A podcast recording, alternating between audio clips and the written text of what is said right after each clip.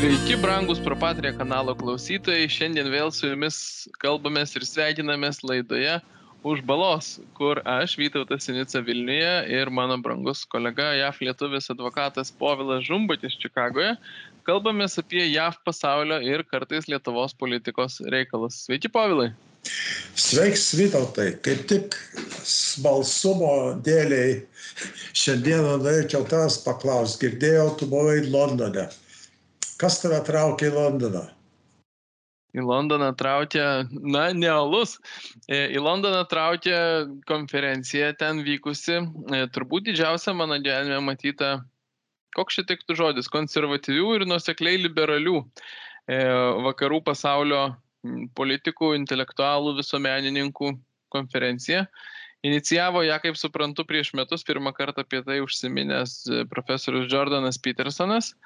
Bet sutelkė jis ten rimtą organizacinę grupę, pavadino ją ARC, Alliance for Responsible Citizenship. Ir, sakyčiau, bendras vardiklis tos grupės buvo, ką bandoma pasakyti ir padaryti, tai kad vakarai išgyvena nuosmutį ir patys jį susikėlė.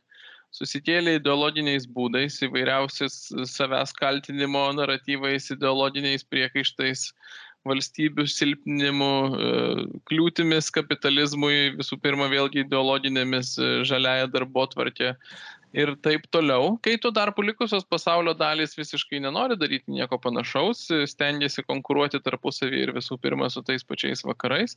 Ir taip mes einam į, kaip ten buvo pašaipiai pasakyta, valdomą e, susinaikinimą. Na, ta prasme, vyraujantis požiūris valdančiuose sluoksniuose, ypač Europoje, yra, kad, na, vakarai smunka ir turi smukti ir galbūt net išnykti. Svarbu, kad tai būtų, na, neskausminga, be, be kažkokių staigių krizių, o nu, žmonės galėtų ramiai savo pasenti ir užleisti vietą kitiems. Tai konferencija aiškiai sakė, kad norim atmesti šitą požiūrį ir ieškoti būdo požiūrio, kažkokios motivacijos ir idėjų, kurios leistų vis dėlto keltis ant kojų ir elgtis priešingai. Vytautai, kiek dalyvavo žmonių ir iš kur? Pusantro tūkstančio žmonių. E, o, sakyčiau, tikrai, tikrai didelis, didelis susibūrimas. Rodo 72 šalis. E, labai aiškus buvo apsibrėžimas, kad e, tai yra vakarų pasaulio žmonių susibūrimas spręsti savo problemas. Ir nebuvo jokių ten kitų civilizacijų atstovų, išskyrus labai išimtinius vienetus, nebuvo Rusijos atstovų, nebuvo Kinijos, nebuvo Azijos, islamo šalių, buvo pagrindę europiečiai ir anglosaksai iš kitų žemynų. Stebėtinai didelė delegacija iš Australijos. Kaip aš supratau, kažkuris iš buvusių e, Australijos premjerų, jeigu nepainioju, jų šiame renginyje dalyvavo trys. E, buvo vienas iš pagrindinių įsitraukusių į organizavimą nuo pat pradžių ir dėl to tokia didelė gal 200 australų delegacija atvyko. Zelandų, iš Pietų Afrikos Respublikos, kas man buvo ypatingai įdomu ir labai liūdna, beje, jų patirtis yra labai liūdnos. O, o kiek lietuvių buvo pakviesta? Lietuvių buvo aštuoni, konferencija, gal čia svarbu pabrėžti, buvo su, na, vardiniais kvietimais, tu turėjai būti pakviestas, kad ten dalyvautum, bet tas pakviestas tai vis tiek galiausiai lemia šiek tiek jau egzistuojantis tinklai, ryšiai, pažintis tarptautinės ir Europoje buvo konkreti austrų parlamentarė atsakinga už delegatų paieškas. Toks neformalus kriterijus, kiek aš girdėjau, buvo, kad po vieną žmogų nuo pusės milijono gyventojų, na, tai Lietuvai dar taip dosniai, kad jie šeši, bet galiausiai taip išėjo, kad aštuoni. Um, kaip politikas tai buvau vienintelis aš, um, visuomenininkų buvo daugiau, buvo Lietuvoje egzistuoja toks laisvos visuomenės institutas, kovojantis, na, tokią krikščionišką darbo tvarkę už šeimą, gyvybę, bioetiką, religijos laisvę, tuos dalykus, manau, ir JAV gerai suprantama, yra daug tokių organizacijų. Tai iš jų buvo jau sumeluoti trys ar keturi žmonės iš ateitininkų federacijos, kuri jums, manau, gerai pažįstama. Mhm. Buvo du žmonės ir mūsų bendras pažįstamas Vytis Turonis, jų e, pirmininkas. Ir buvo pora žmonių iš šeimų sąjūdžio. E, ir ten Lietuvoje toks savotiškas, na, mini negali sakyti, kad skandalas, bet nuostaba kilo socialiniuose tinkluose, kaip ten Artūras Orlauskas atsidūrė, bet, na, pakankamai paprastai atsidūrė, kadangi žmogus atsakingas už tarptautinius ryšius e, e, šeimų sąjūdį yra tikrai labai aktyvus ir besistengiantis ir mesgantis tuos ryšius, tai jisai parodė save ir kvietė tą pačią parlamentarę renkančią delegatus į šią konferenciją ir Lietuvoje vykstančius renginius, na ir tas ryšys buvo ir buvo pakviesti. Tai žodžiu, toks, toks, aš sakyčiau, lietuvių buvo nemažai ir, ir, ir ne, nepasidarė gėdos. O koks tavo asmeniška, kokia tavo asmeniška patirtis buvo po šito suvažiavimo? Kaip tau, ar tau buvo naudinga, Buvo. Aš manau, kad buvo. Pirmiausia, tai man buvo nuostaba dėl kelių dalykų. Pirmas toks gan banalus, dažniausiai konferencijose, kuriuose prikviesta kalbėtojų žvaigždžių, o čia taip ir buvo, pradedant tuo pačiu Jordanu Petersonu ir po to politikai, tarkim, sveikino buvęs JAF atstovo rūmų e, pirmininkas, e, speakeris, sveikino naujasis, ką tik išrinktas, bet tik tai internetu, na ir taip toliau, tai dažniausiai niekas nesistengia. Žmonės, žinodami, kokie yra garsus ir šaunus, tiesiog pašneka kažką kas tuo metu jiems aktualu, įdomu, ką jie skaito ir galvoja. Čia buvo rimtai pasirašta ir iš tikrųjų kalbos, aišku, ne visos, bet kai kurios įkvėpė naujų minčių, apmąstymų ir nebuvo toks, kaip sakoma, echo chamber, kur visi tiesiog kartoja tą patį, ką žino ir pritarė ir yra girdėję.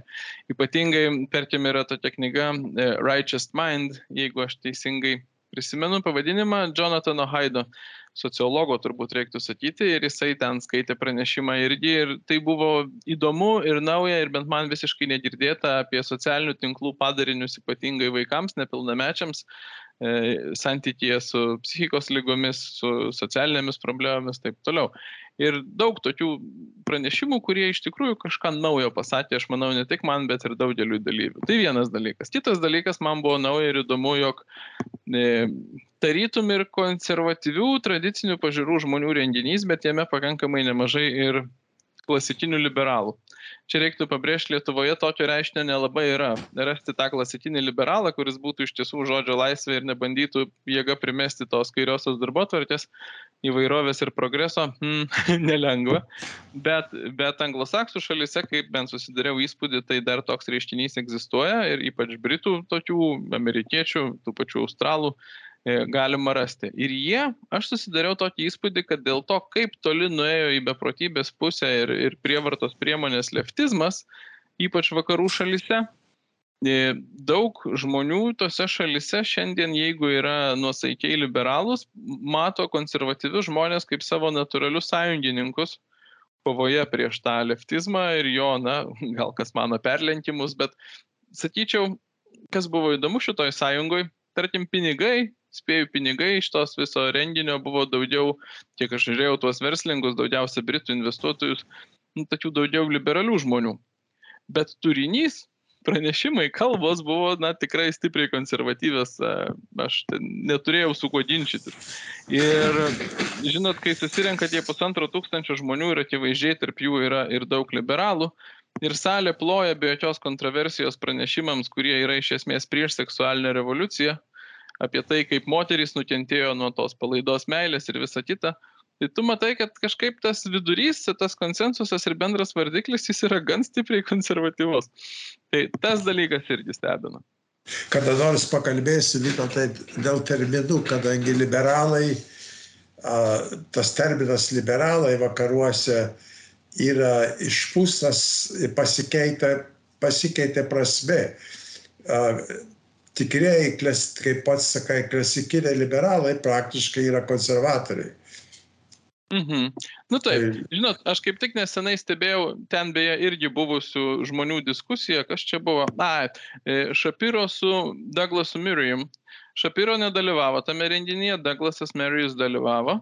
Ir jų kaip tik buvo nesenai internete pokalbis, kur jie apsikeitė mintimis, nu tai kaip čia dabar vat, reakcija į leftizmą, kokia turi būti liberali ir konservatyvi. Ir kaip jie apsibrėžė tą, nu čia tiesiog dalinuosi įspūdžiu.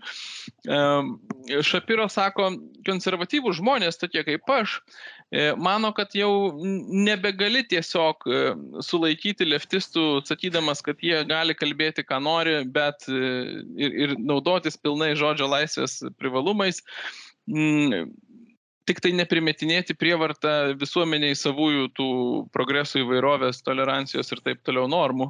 E, mes manome, kad jeigu paliksi tokį vat, liberalų status quo, kur visi kalba, ką nori, valstybė negali būti tokia neutrali. Valstybė vis tiek turi užimti kažkokią poziciją ir jeigu ta pozicija nebus konservatyvi, jeigu nebandysi tvirtinti konservatyvių principų, tai bus arba arba. Leftizmas arba konservatyvumas.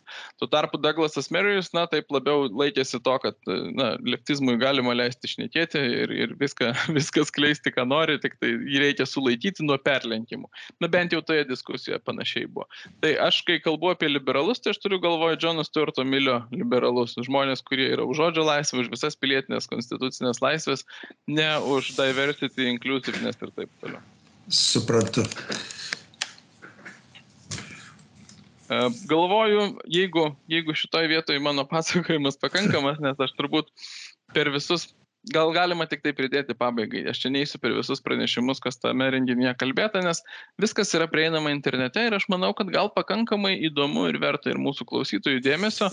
E, YouTube platformoje, kur yra mūsų laidos, yra ir kanalas tas Alliance for Responsible Citizenship, e, ARC Forum trumpai jis vadinasi, ir ten galima atsidaryti ir be jokių mokėjimų ar kažko prieinama viskas, kas ten kalbėta, na bent jau tie pranešimai nuo scenos ir aš manau, kad tai gali būti verta jūsų laiko ir dėmesio.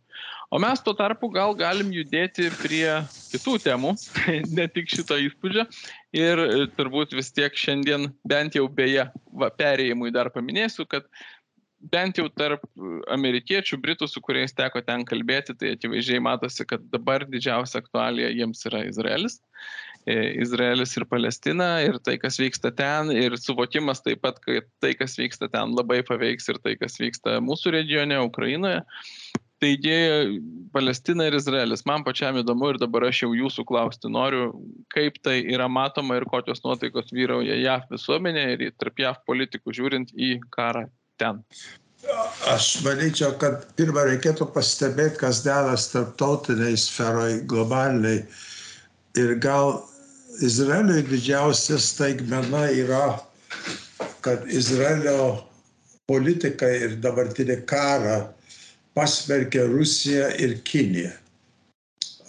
Reikia atsiminti, kad Izraelis laikėsi neutraliai, kas liečia Ukrainos karą ne tik neutraliai, bet dabartinė valdžia labai artimai palaikė ryšių su Putinu. Ir aš manau, kad jiem yra didelis surprizas staigmena, kad Rusija atsistojo prieš Izraelį dabar. Reiškia, yra pora klausimų. Vienas dalykas, visi pasmerkiam Hamas terorizmą. Jokio klausimo.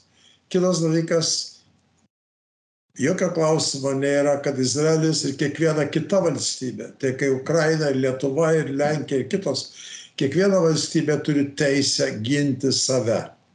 Tada klausimas kyla, kaip ginti ir kokiu būdu ginti. Ir čia yra kontroversija dabar visam pasauliu, matom iš demonstracijų ir panašiai.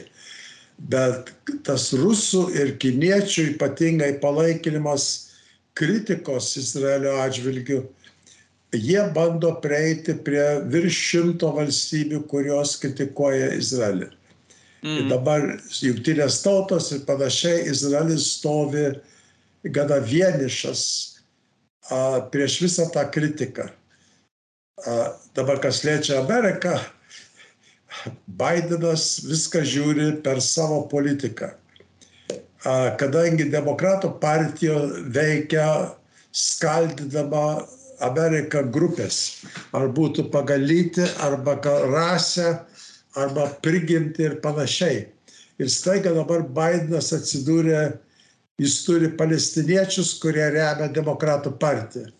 Ir žydai, kurie remia demokratų partiją.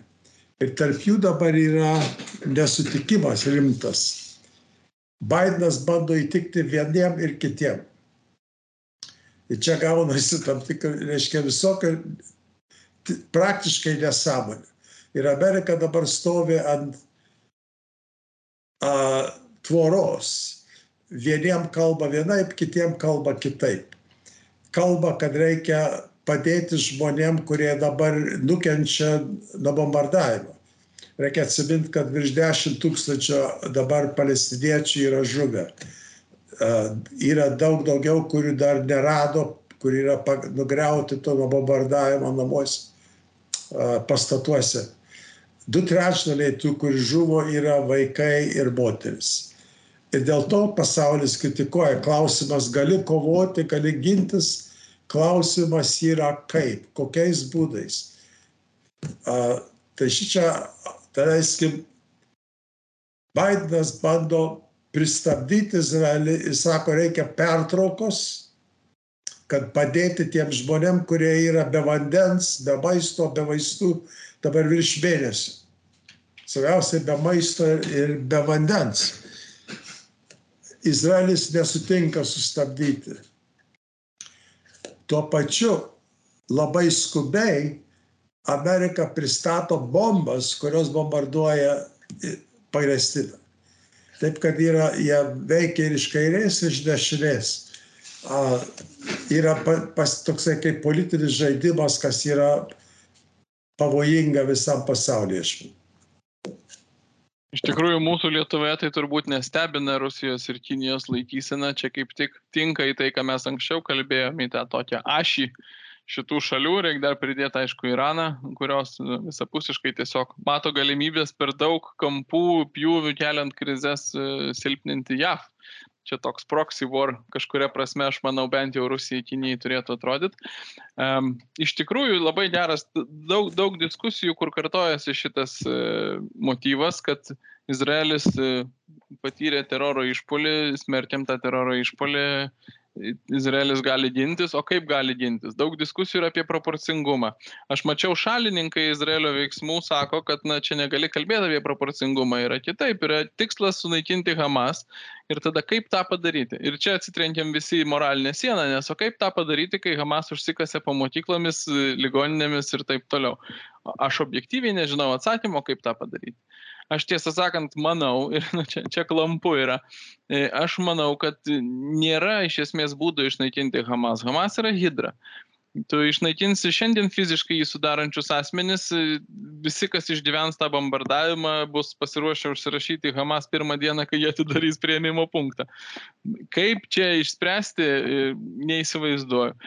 Geras buvo turbūt tas kelias, tuoj užbaigsiu savo mintį, geras buvo tas kelias, kurį pradėjo Trumpas su Abraham Accords, e, susitarimai su kitomis uh, islamiškomis šalimis apeinant Palestiną, tiesiog normalizuojant Izraelio santykius su, su kitom šalim, iš esmės taip po truputį nu, tarp eilučių statant prieš faktą Palestiną, kad ji nebeturi regiono palaikymo.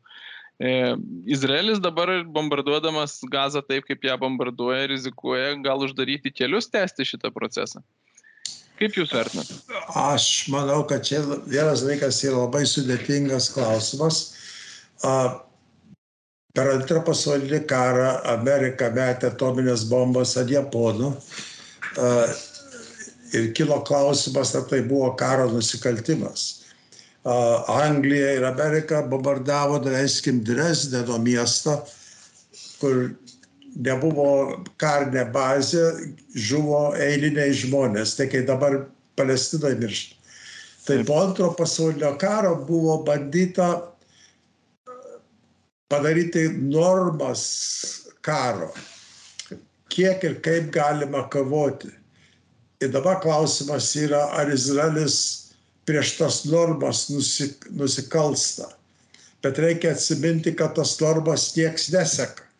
Čia, kai mhm. Rusija bombardavo e, Čekiją, kai bombardavo Siriją, kai bombarduoja ir bombardavo Ukrainą. Tai tie standartai yra, bet jų niekas nesilaiko, kurie kariauja.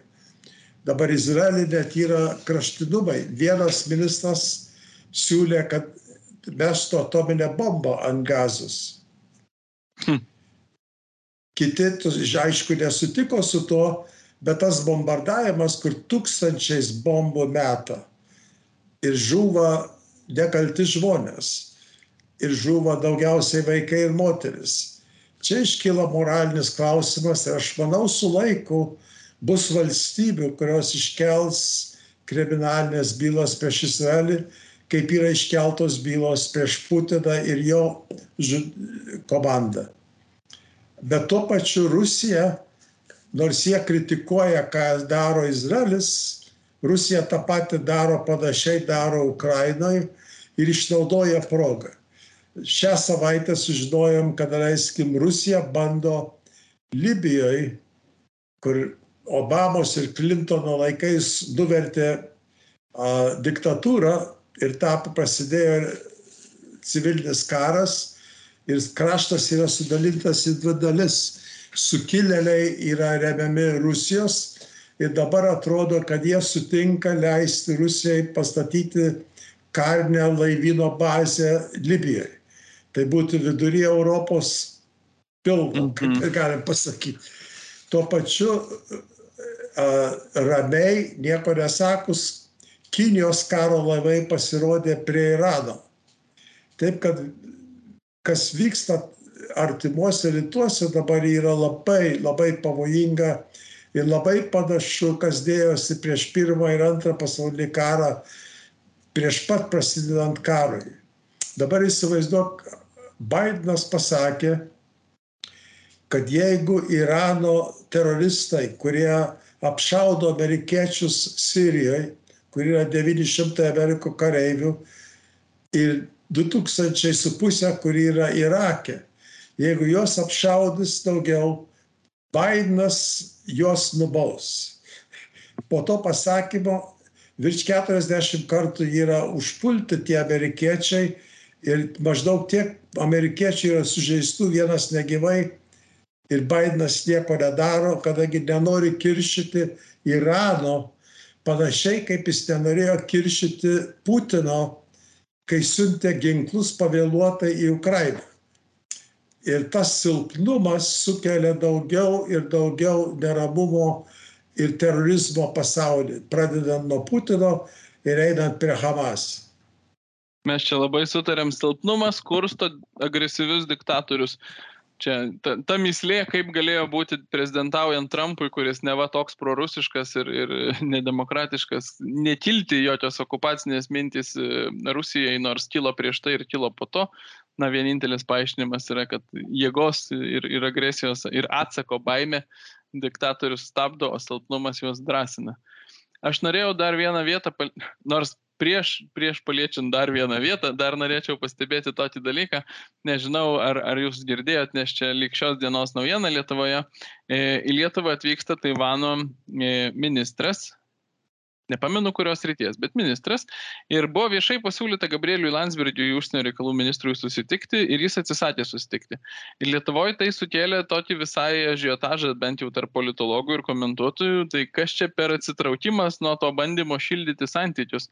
Ir vyraujanti hipotezė yra, kad, na, gal kaip, kaip tas e, visas e, pernykštis skandalas ar istorija su, su santykiai su Taivanu ir Kinija Lietuvos buvo bent jau kaip visi mano inspiruotas JAV, JAV pozicijos, kaip Lietuva turėtų elgtis, taip ir čia dabar turbūt yra tiesiog JAV pozicija, kad Lietuvai reikėtų nustoti kaitinti šitą klausimą ir atsitraukti. Tai yra tik hipotezė, niekas nežino, kaip yra iš tikrųjų, bet va, taip kalbam. Ir man tai šiek tiek įsipaišo į tai, ką dabar kalbėjom. Aš spėčiau, kad čia yra įtaka iš Amerikos, kadangi Amerika, kai susitinka su Taivano žmonėm, irgi labai daro sargiai, nors praktiškai yra kongreso atstovų rūmų viršininkai susitikęs ir neskridę į Taivaną. Bet šiuo atveju aš manau, kad yra labai hipokritiška, kadangi Gabrielis Landsbergis kaip tik pasisakė už Taivaną ir sukirščio Kiniją. Ir jeigu dabar atvažiuoja iš Taivano, jis nesutinka sustikti, čia parodo e, neapsisprendimą ir tam tikrą silpnumą Amerikos, tai yra Lietuvos uh, užsienio reikalų pasaulyje žiūros. Tas klausimas, prie kurio norėjau grįžti apie Ameriką, yra toks, šiandien mačiau grafiką e, iš rimto šaltinio, YouGov, atrodo, apie tai, kaip pagal amžiaus grupės pasiskirsto palaikymas Palestinai ir Izraeliui, nevertinant, kaip čia mes apie tą požiūrį manom, bet visiškai koreliuoja su amžiumi tas pasiskirstimas. Žmonės, kurie yra pensinio amžiaus, tarp jų yra berots vienženklis procentas - 9 ar kažkas panašaus, tų, kurie palaiko Palestiną visi kiti palaiko Izraelį. E, žmonės, kurie yra studentiško amžiaus iki 30, sakykime, 50 e, ant 50.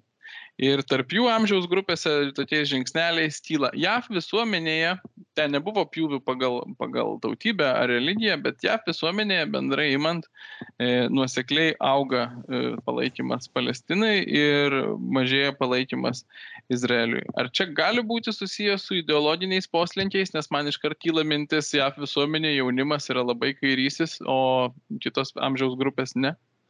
Čia yra labai sudėtinga tema ir įdomi tema, Vydotai, kur reikėtų pati pakalbėti nuosekliau. Šiandien neturim laiko, bet reikėtų pakalbėti. Viena statistika, kur galėčiau pridėti, yra didelis skirtumas tarp respublikonų ir demokratų, kas remia Izraelį ir kas remia Palestiną. Pats, pats paminėjai studiją bendrai amerikiečių Mhm. Nedaleiskim vieną statistiką, kur man krito į akį, tai yra jaunimo tarp 18 ir 35. Demokratų partijai 52 procentai palaiko Palestiną, 32 procentai palaiko Izraelį. Ir iš kur tas kyla? Reikia atsiminti, kad paskutinis keliasdešimt metų demokratai ir mūsų kairieji liberalai, ne tie klasikiniai liberalai, bet kairieji liberalai per universitetus auklėja naują kartą žmonių, kurie praktiškai nekenčia Amerikos. Yra pro-marksistai. Dauguma pasisako prieš Ameriką, kur dabar baigia universitetus ir pasisako prieš kapitalizmą. Prieš tą sistemą, kur pastatė ir sutvirtinto Ameriką. Dabar staiga demokratai susiduria su ta karta, kuri palaikė raušės prieš respublikonus, kai degino 500 miestų. Demokratai nekritikavo, kadangi čia buvo jų jaunimas. Stai dabar tas jaunimas pasisako už Hamas. Ir demokratų partijai liko pasidarė skilimas. Praeitą savaitę Respublikonų atstovų rūmų vadovai pravedė rezoliuciją pasmerkiant Hamas ir remiant Izraelį. 20 keli demokratai balsavo prieš, balsavo, reiškia, nenorėjo remti Izraelio. Kadangi jų tarpe yra palestinietė ir kita kieta grupė, kuri palaiko ne tik palestiniečius, bet palaiko Hamas. Ir čia yra demokratų partija. Ir dabar demokratų partijai tas yra rimtas kilimas kai sakau, už juos balsuodavo, jie turi sudarę blokus. Yra lietuvių blokas, yra lenkų blokas, yra žydų blokas, yra palestiniečių blokas. Ir dabar tarp tų blokų, tarp palestiniečių ir tarp žydų demokratų partijai vyksta skilimas, kas skaldo visą partiją. O partija neturi pasaulyje žiūros, bet turi būdą skaldyti, kaip kai komunistai skaldydavo pagal klasę, demokratai skaldo pagal lytinės ir pagal rasinės ir pagal tautybinės grupės. Ir staiga jiem tos grupės dabar subyra. Ir čia parodo jų rimtą, rimtą problemą demokratų partijai, kadangi jų būdas nėra vienyti, bet yra skaldyti, išnaudojant kiekvieną grupę. Ir dabar jie atsiduria į klausimą, ar remti žydų grupę, ar remti palestiniečių grupę. Abi grupės balsuodavo žymiai už demokratus. Aš per pastarosius rinkimus e, Amerikoje man įstrigo analogiška prieš priešą tarp latino amerikiečių, kurie yra moraliai konservatyvūs, bet imigrantai todėl tarsi už demokratus ir progresyvios darbo atvarkės, kuris svetima latino amerikiečiams, kad čia auga įtampa. Bet e, iš tikrųjų, čia irgi plati tema, tikrai norėsis prie jos grįžti. Aš žinau, kad jūs dar turėjote minčių keletą apie šalis, apie kurias mes šiaip dažniausiai žiniasklaidos puslapiuose neskaitom ir Lietuvoje nepagalvojam. Kokios aktualijos pasaulyje dar vertos mūsų dėmesio šiandien? Labai maža detalė, bet labai svarbi detalė. Sprendžiant, aš vis tiek žiūriu į Kiniją kaip pasaulio didžiausią priešą demokratijom ir laisvai rinkai ir laisviems žmonėms. Jie valdo Rusiją, įtaką turi Rusijai, be Kinijos rusai tikrai nekariautų Ukrainai jie turi įtaką Irane. Ir jie yra perėmę žymiai daug valstybių Afrikoje ir dabar Pietų Amerikoje. Amerikos prie Kuboje turi didelę bazę. Brazilijoje superka žemės ir yra didžiausias partneris. Argentinoje. Tai buvo vienas kraštas, Uruguay, mažas kraštas maždaug kaip Lietuva tarp Argentinos ir Brazilijos. Demokratinis kraštas konservatyvus kraštas, kurį Bidenas apleido. Negali su Bidenu susitarti, kadangi jeigu nori su Bidenu susitarti, pirmiausia turi sutikti ant climate change, turi sutikti dėl lyties klausimų, turi sutikti ant abortų ir panašiai. O ten yra katalikiškas konservatorius kraštas. Ir jie buvo, negali susitarti su Amerika. Amerikai nesvarbu, jeigu jie neprisitaiko. Panašiai kaip Lietuva turi prisitaikyti prie Bruselio. Nesvarbu, ką daro, Bruselis duoda normas socialiniam gyvenimui. Tai jie vietoj to, kadangi negali susitarti su Amerika, šią savaitę paskelbė, kad jie susitars su Kinija. Ir taip pamažu Kinija perima visą Pietų Ameriką. Ir čia yra milžiniškas pavojus ne tik Amerikai, čia yra visam pasauliai pavojus. Po jie taip yra praktiškai užėmę su rusais, yra užėmę Afriką. Iš tikrųjų, pietų, pietų pusrutulis vis labiau yra Kinijos įtakos zona ir Kinija labai subtiliai tą daro be jokių užkariavimų. Turbūt, kad šiandien tuo ir baigsime. Tokios mūsų temos šiandien. Atsiprašau klausytojų už savo šiandien platesnius pasakojimus, bet pasidalina mintimis ir įspūdžiais. Tikiuosi, abu tikimės, kad jums buvo įdomu. Ačiū labai, povilai, ir iki kitų kartų. Labai malonu ir jeigu vėl kur nors išvažiuosi, vėl tave paklausim. Gerai. Iki. Iki.